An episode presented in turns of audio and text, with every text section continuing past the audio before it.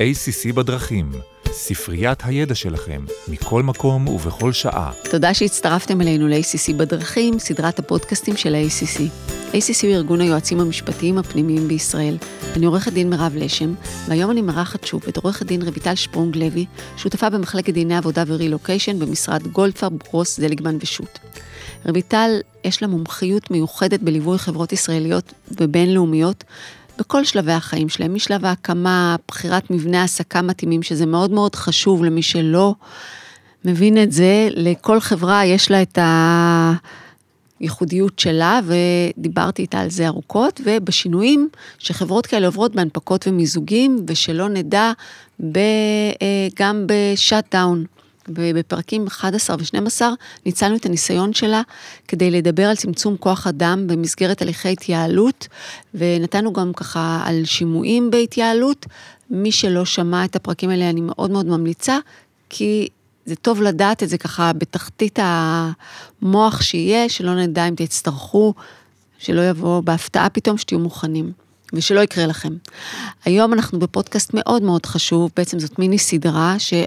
הוא מומלץ לכל היועצים המשפטיים וגם בארגון בשביל אה, לעורר מודעות. היום אנחנו שמים על השולחן את נושא ההתעמרות בעבודה. חילקנו את זה לשני פרקים. בפרק הראשון אנחנו נדבר בעצם, נקדיש 20 דקות רק כדי להבין מה זה התעמרות, מה לא נכנס בגדר התעמרות, נדבר על דוגמאות ממש ככה שיהיה מוחשי. בפרק השני נדבר על מקרים שמנצלים אה, את העילה לרעה, וגם כלים פרקטיים איך מתמודדים עם אירוע התעמרות במקום העבודה, איך מטפלים בו. אז אה, שלום רויטל, אני שמחה לארח אותך שוב באולפן של קובי קלר. לעונג לי, מירב. לפני שנתחיל disclaimer קצר, הפודקאסט מיועד להעשיר את הידע הכללי שלכם. כל מה שנאמר בפודקאסט הוא בוודאי לא ייעוץ משפטי ולא מחליף כזה. אז אולי נתחיל עם הצגת הנושא ככה ממעוף, אה, ככה למעלה, צורה הוליסטית כזאתי. מעולה. אז אה, הנחת המוצא של ההנהלות שמתוקשרות על פי רוב עם היועצים המשפטיים, שאני לפחות נתקלת בהם, היא שאנחנו רוצים למנוע באופן ברור הטרדות במקום העבודה. הטרדות פוגעות בערכי יסוד שהחברות מאמינות בהם, כבוד האדם, זכות לביטחון, ערך שוויון. אני אגיד את המובן מאליו, כל הערכים האלו נפגעים ברגע שיש הטרדה. בין אם אנחנו מדברות על הטרדה מינית, ובין אם אנחנו מדברות על הטרדה במקום העבודה עקב התעמרות או התנכלות. אה, גם ידוע שמוטרדים בהטרדה מדווחים על תופעות מאוד קשות וגם תחושות רגשיות מאוד קשות. נכון, אה, יש על זה הרבה מחקרים, יש על זה הרבה כתבות, אנחנו רואים את זה באתרים, ומהחיים, מהניסיון שלי, מוטרדים, חווים תחושת תסכול, תחושת מרמור. אה, תחושות פיזיות, מדווחים על תחושות פיזיות מאוד קשות, על כאבי בטן, על כאבי ראש, על ירידה באיכות החיים, באיכות השינה, עד לתופעות פוסט-טראומטיות, ואני לא אקצין ואגיד אפילו דברים קשים מזה. אבל המטריד, הוא יוצא נקי כאילו? לא, בוודאי שלא. אה, גם הנילון, המטריד, מהניסיון שלנו זה עבורו אירוע מאוד קשה. אה, פגיעה בכלכלה, פגיעה בשם הטוב, אה, מכה תפיסתית בתוך הארגון, בחיים האישיים שלו, יש לזה השלכות, איך, אני אגיד את זה בצורה, אם אמרת צורה הוליסטית, מבחינתי אירוע הטרדה פוגע בכלל המערכות, בכל המקומות של, בכל המעגלים של מקום העבודה, גם בחברה עצמה, שאנחנו מקבלים דיווחים אה, באירועים כאלה שיש ירידה בתפוקות, יש פגיעה בנוכחות בעבודה, ביכולת לבצע את העבודה, שמועות, מר שמועתי שדולפות את אה, שמועות שעובדים לפעמים לוקחים פוזיציה, לוקחים צד, ממש מדמים את זה לחרם של, אה, של ילדים. אה, ולכן יש לזה השלכה רוחבית, לא רק על צד אחד בהטרדה. ובתור יועץ משפטי ומהצד של הארגון, איזה כלים יש כדי להתמודד עם אירוע כזה שהוא באמת חוצה, מערער את כל הארגון? חשוב מאוד, חשוב מאוד להבין את המטריה, להכיר את המטריה ולפעול בהתאם. אז אני ככה אסביר מה אנחנו צריכים לעשות אה, כדי להתמודד עם זה, ועם הכלים המשפטיים שקיימים לנו היום. בתחום הזה, כי אני חושבת שאנחנו במיוחד עכשיו, שאחרי מיטו, שכבר אנחנו די אה, מרגישים, בעולם המשפטי לפחות, שהדברים אה, יותר הגיעו לתופעה וידיעת הציבור ושל עורכי הדין, תחום ההתנכלות הוא עדיין אה, תחום פחות מוסדר.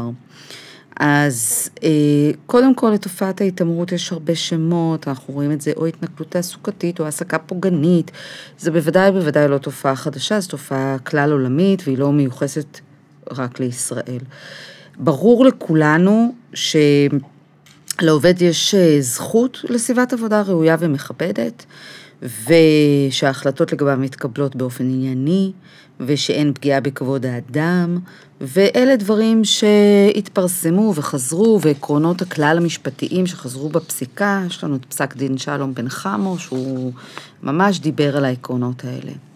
בכל מקרה, מה שחשוב ככה להבין, קודם כל, זה שישראל 2023 עדיין אין לנו דבר חקיקה, אין לנו חוק למניעת התעמרות במקום העבודה, על אף שיש הצעות חוק שחזרו ועלו לגלגולים שונים, שתי, שתי הצעות חוק רלוונטיות, אחת נקראת למניעת העסקה פוגענית משנת 2005, ואחת נקראת הצעת החוק למניעת התעמרות בעבודה, 2015, עברה הרבה גלגולים, עדיין לא הבשילה לכדי חוק. אבל אנחנו רואים עוד מקורות משפטיים שהיועץ המשפטי צריך להכיר. יש לנו, ישראל השתתפה עם נציגים של למעלה מ-180 מדינות בוועדת המאה של ארגון העבודה הבינלאומית אה, בז'נבה, שאימצו אמנה למאבק באלימות והתעמרות בעולם העבודה.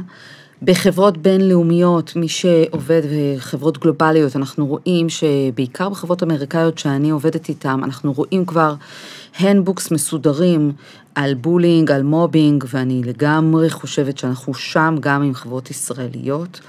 אה, יש במכון התקנים תקן לניהול בטיחות ובטיחות, ובטיחות ובריאות אה, תעסוקתית, שניתן להוריד אותו והוא ממש מספק הנחיות לגבי ניהול סיכונים פסיכולוגיים. אה, לשם קידום ה-well-being של העובדים. יועצים משפטיים יכולים לראות אותו בתוך, באתר של מכון התקנים. זה ככה הרקע שאנחנו צריכים להכיר כיועצים משפטיים. אז אם אין לנו, אה, בעצם מה מקור, ה, המקור המשפטי היום לתביעת התעמרות? אז אנחנו רואים מתוך הפסיקה ומהחיים שהמקורות העיקריים הם קודם כל הצעות החוק. בתי הדין לעבודה מכבדים אותם ומתייחסים אליהם, ותכף אנחנו נתגלגל ונראה מה בעצם היא התעמרות ומאיפה הם שואבים את זה. אז הצעות החוק הן הצעות מאוד חשובות אה, ומפורטות, ובתי הדין פועלים אה, לרוחם. כמובן עיקרון תום הלב, שסתום רחב, שעיקרון תום הלב מכוח ניהול החוזה, מכוח החובות בין מערכת יחסים של יחסי העבודה, ומכוח אה, חוק יסוד כבוד אדם וחירותו. שלושת המנגנונים האלה בעצם יוצרים לבתי הדין מצפן, מצפן לבחינת סוגיות בנוגע להתעמרות ביחסי העבודה. אה, אולי זה באמת המקום לחדד מה זאת התעמרות, מה זה ניהול דורשני. יש אנשים שהם אובססיביים, אבל הם לא מתעמרים, ואנחנו מכירים את זה, מנהלים שהם דורשים גם מעצמם. לא, לא תגידי, אז איפה עובר הגבול? איפה הניהול הצמוד הזה הופך בעצם לדורסני? זה, זה, זה, אחת, זה אחד הקשיים, האמת היא, בכל הנושא הזה ובחקירות שאני עושה בתוך החברות. אה, קודם כל להבין מה זו בכלל התעמרות, מתי אנחנו הופכים את הניהול הדורשני לניהול דורסני. אז ניקח קודם כל את הצעת החוק. הצעת החוק מציינת, מעלה דוגמאות, היא בפירוש זו לא רשימה סגורה. אה, והיא נוקטת בהגדרה עם מהי התעמרות במקום העבודה, והיא כוללת חמישה מקרים. אנחנו נפרט אותם כי זה חשוב. אחד, התייחסות מבזה או משפילה או מזיקה כלפי אדם, לרבות פגיעה בתנאי העסקה בשל עילות שלא מן המניין. עכשיו אנחנו רואים, אנחנו רואים תנאי סף במכרזים לצורך פסילה של קידום של עובד, אנחנו, וזה דברים שקורים, דברים גם מתוך הפסיקה, אנחנו רואים הקטנות והשפלות במהלך ישיבות צוות, צעקות ב open space, הקטנות... אה, אה, התייחסות מבזה ומשפילה במסגרת אימיילים רבי משתתפים, נזיפות חמורות, חוזרות ונשנות בשל עניינים איזוטריים. אה, זה דוגמה אחת. מצב שני שאנחנו נתקלים בו מכוח ההצעה ומהחיים לצערי, זה שיבוש יכולתו של אדם לבצע את תפקידו, לרבות באמצעות הצבת דרישות בלתי סבירות, או תנאים בלתי סבירים. אז אנחנו רואים את זה לכדוגמה בכל מיני אה, תנאי אה, דרישות למשימות עבודה, כשממונה נותן דרישות בלתי סבירות, שממש לכדי הכשלת העובד בצורה קיצונית וחוזרת. הנחיות שמשתנות בן לילה, זאת אומרת בצורה חוזרת ונשנית ברגעים. רגע לפני הגשת המשימה, רגע לפני הוצאת דוחות כספיים, אה, שינוי חד משמעי רוחבי, וזה חוזר ו, ו, ונשנה בצורת העבודה. מצב נוסף זה הכפפת אדם לאווירה של פחד ואיומים, וזה גם חוזר לגידופים, צעקות, קללות, האשמות, הפצת שמועות מזיקות, זה התנהגויות קשות. אה, אנחנו רואים את זה בישיבות מאוד אמוציונליות שעולות לכדי צעקות, מכתבי השפלה, אמירות מאוד קשות. אה, איומים על פיטורים ככה שבאוויר, שבכל איזושהי טעות קטנה יש את החרב על הגרון של איומי אה, פיטורים בצורה מאוד קיצונית. מצב נוסף, זה, אנחנו רואים את זה הרבה בחברות שאני מתעסקת איתן, דווקא בחברות אה, אה, ביוטק, חברות אה, רפואיות, חברות, אה, אה, מוסדות אקדמיים, אה, אה, חברות אה, שיש אה, הרבה מאמרים או, או פיתוח טכנולוגי, אז ייחוס עבודה, הישג אה, והצלחה, או הישג וכישלון, זאת אומרת, ייחוס כישלון, אה, לא לאותו אדם, זאת אומרת, אה, גניבת קרדיט, שזו תופעה שאנחנו רואים הרבה בחיי היום-יום, ייחוס כישלונות, אה, כשממונה לוקח לעצמו רק את הקרדיט ואת הכישלונות מפיל על הכפיפים לו. אה, אנחנו רואים את זה, כמו שאמרתי, בעיקר בתחומים שיש מימדים של חדשנות, יזמות, פיתוח, עיצוב, מחקר, אוניברסיטאות. אה, בתי חולים, אה, הייטק, ביוטק, הרבה מאוד תחומים אנחנו רואים את התופעה הזו, תופעה שהיא מודרנית בעיקר, אה, אבל הייתה גם קודם במאמרים. ובידוד מקצועי או חברתי של אדם, לדוגמה, הושבה של בן אדם ללא סיבה בבניין אחר, אה, הוצאת אה, עובד אה, בתקופה מסוימת מהתכתבויות, מאימיילים על פרויקטים שהוא, שהוא אחראי עליהם והוא חלק מהם, אי הזמנה בצורה גורפת לישיבות, אה, לפעמים זה מספר קולגות אה, ביחד מביאים לאיזשהו בידוד חברתי, התעלמות מוחלטת, ממש, כמו שתיארתי בהתחלה, תחושה של אה, חרם חברתי במקום העבודה, שבסוף אנחנו נמצאים בו רוב שעות היום. אני יכולה לבוא ולומר שעל אף שאנחנו דיברנו ופרטנו את זה ל... ל... לראשי קבוצות, ברוב המקרים, במציאות, אנחנו מדברים על איזושהי ערבוביה. אז אם את יכולה לתת לנו דוגמאות ספציפיות אולי להמחשה לגבי מקרים שהם ממש התעמרות, נגיד אם דיברנו, זאת אומרת, הבידוד, אני מבינה, אבל המון דברים שאת תיארת, אני מבינה אותם בראש, אבל אני צריכה איזשהו אז... את הקו. כן, נכון, אז אני, אני אתן ככה את הדגש, אולי ממה כן ומה לא אנחנו יכולים ללמוד. אז... דרישות מוגזמות, נזיפות חוזרות ונשנות על עניינים שוליים, הטחת עלבונות בעובדים, אה, זה או בעובד או בקבוצת עובדים, אה, התבטאות, ש... התבטאויות חריפות של אה, חסר ערך אנושי, הדגוש של כלום, אני מדברת מדברים מתוך הפסיקה, השתלחויות, אה, תחלופה מאוד גבוהה של פיטורים, וכל הזמן איזושהי תחושה שהבן אדם הזה, המנהל אה, מחליף, וכל תחושת פחד קיומי על המקום העבודה, התאפלויות, אה, ביקורות בלתי נדלות, טוב, דרישות תובעניות בצורה קיצונית, אה, האשמות שווא, שמועות, נידוי, אה, משימות משפילות, ניטור יתר, אפילו micro-management הוכר, אה, בקרת יתר, זה ממש בעניין של... אה, היה לנו מקרה בפסק דין כאפר, אה, שהיא במשך חודשיים וחצי עובדת, נדרשה לדווח למעסיק שלה על כל יציאה מהחדר אה, שבו ישבה, לרבות יציאה לשירותים, דקדקנות יתר, אה, הפגנת שליטה, אימפולסיביות, הרסנית, בצורה קיצונית, דברים שחוזרים על עצמם. לעומת זאת, וזה מאוד מאוד חשוב, כי במציאות נראה לכאורה, אז כל דבר אנחנו יכולים אה, להלביש תחת התעמרות, לא, זה ממש לא המצב.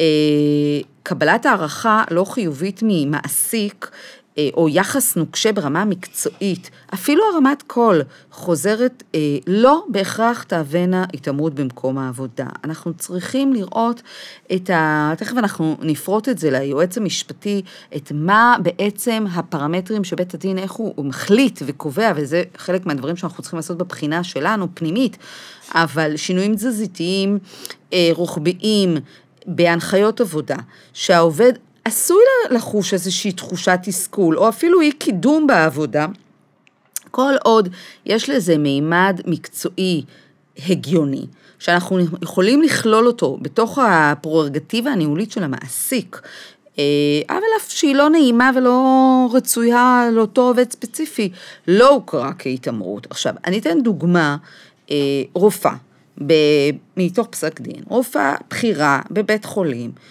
המנהל מחלקה שלה לא העריך את העבודה שלה, העבודה שלה נעשית תחת לחץ עצום, היא האמינה שהיא לא מוערכת מספיק, בוודאי ובוודאי תחת הלחצים ש, שרופאה בבחירה שרויה בהם. אה, הוא נת... היא הייתה לה תחושה שהוא לא נותן לה את הערכה המקצועית המתאימה לה, הוא פוגע במעמד שלה, בהחלטות, איזה ניתוחים, לאיזה ניתוחים היא תשוייך, זה בדומה לאיזה ישיבות עובד רגיל יוזמן או לא יוזמן, הוא מונע ממש את הקידום שלה, ובית הדין הכיר כמחלוקת מקצועית, כחוסר הערכה, אבל בהחלט לא ראה בזה כהתנהגות אה, מתעמרת. זה פסק דין אה, בן אה, העדני. אמ, הערכה לא חיובית היה לנו בפסק דין האוסקר. אה, אנחנו באמת רואים את הדברים האלה, וזה לדעתי הדגש החשוב מאוד ליועצים המשפטיים כאן, שבית הדין בא ואמר שהוא מכיר שדווקא בתחום של דיני העבודה יש קו גבול מאוד עדין. בין תסכול טבעי של עובד, שלא מוערך מספיק, לשיטתו הסובייקטיבית על ידי הממונה עליו, שזה יוצר תחושות אכזבה אה, מהחלטות שמתקבלות, לבין החלטות כוחניות, בלתי ענייניות, אה, שרירותיות, על ידי הממונה, שמתבססות על העדפות אישיות, על יחס, על, כמו שאמרתי, החלטות שרירותיות, שאלו, אלו עשויות להגיע לכדי התעמרות במקום העבודה. בנקודה האמת קשה הזאתי, אנחנו נסיים את הפודקאסט הראשון,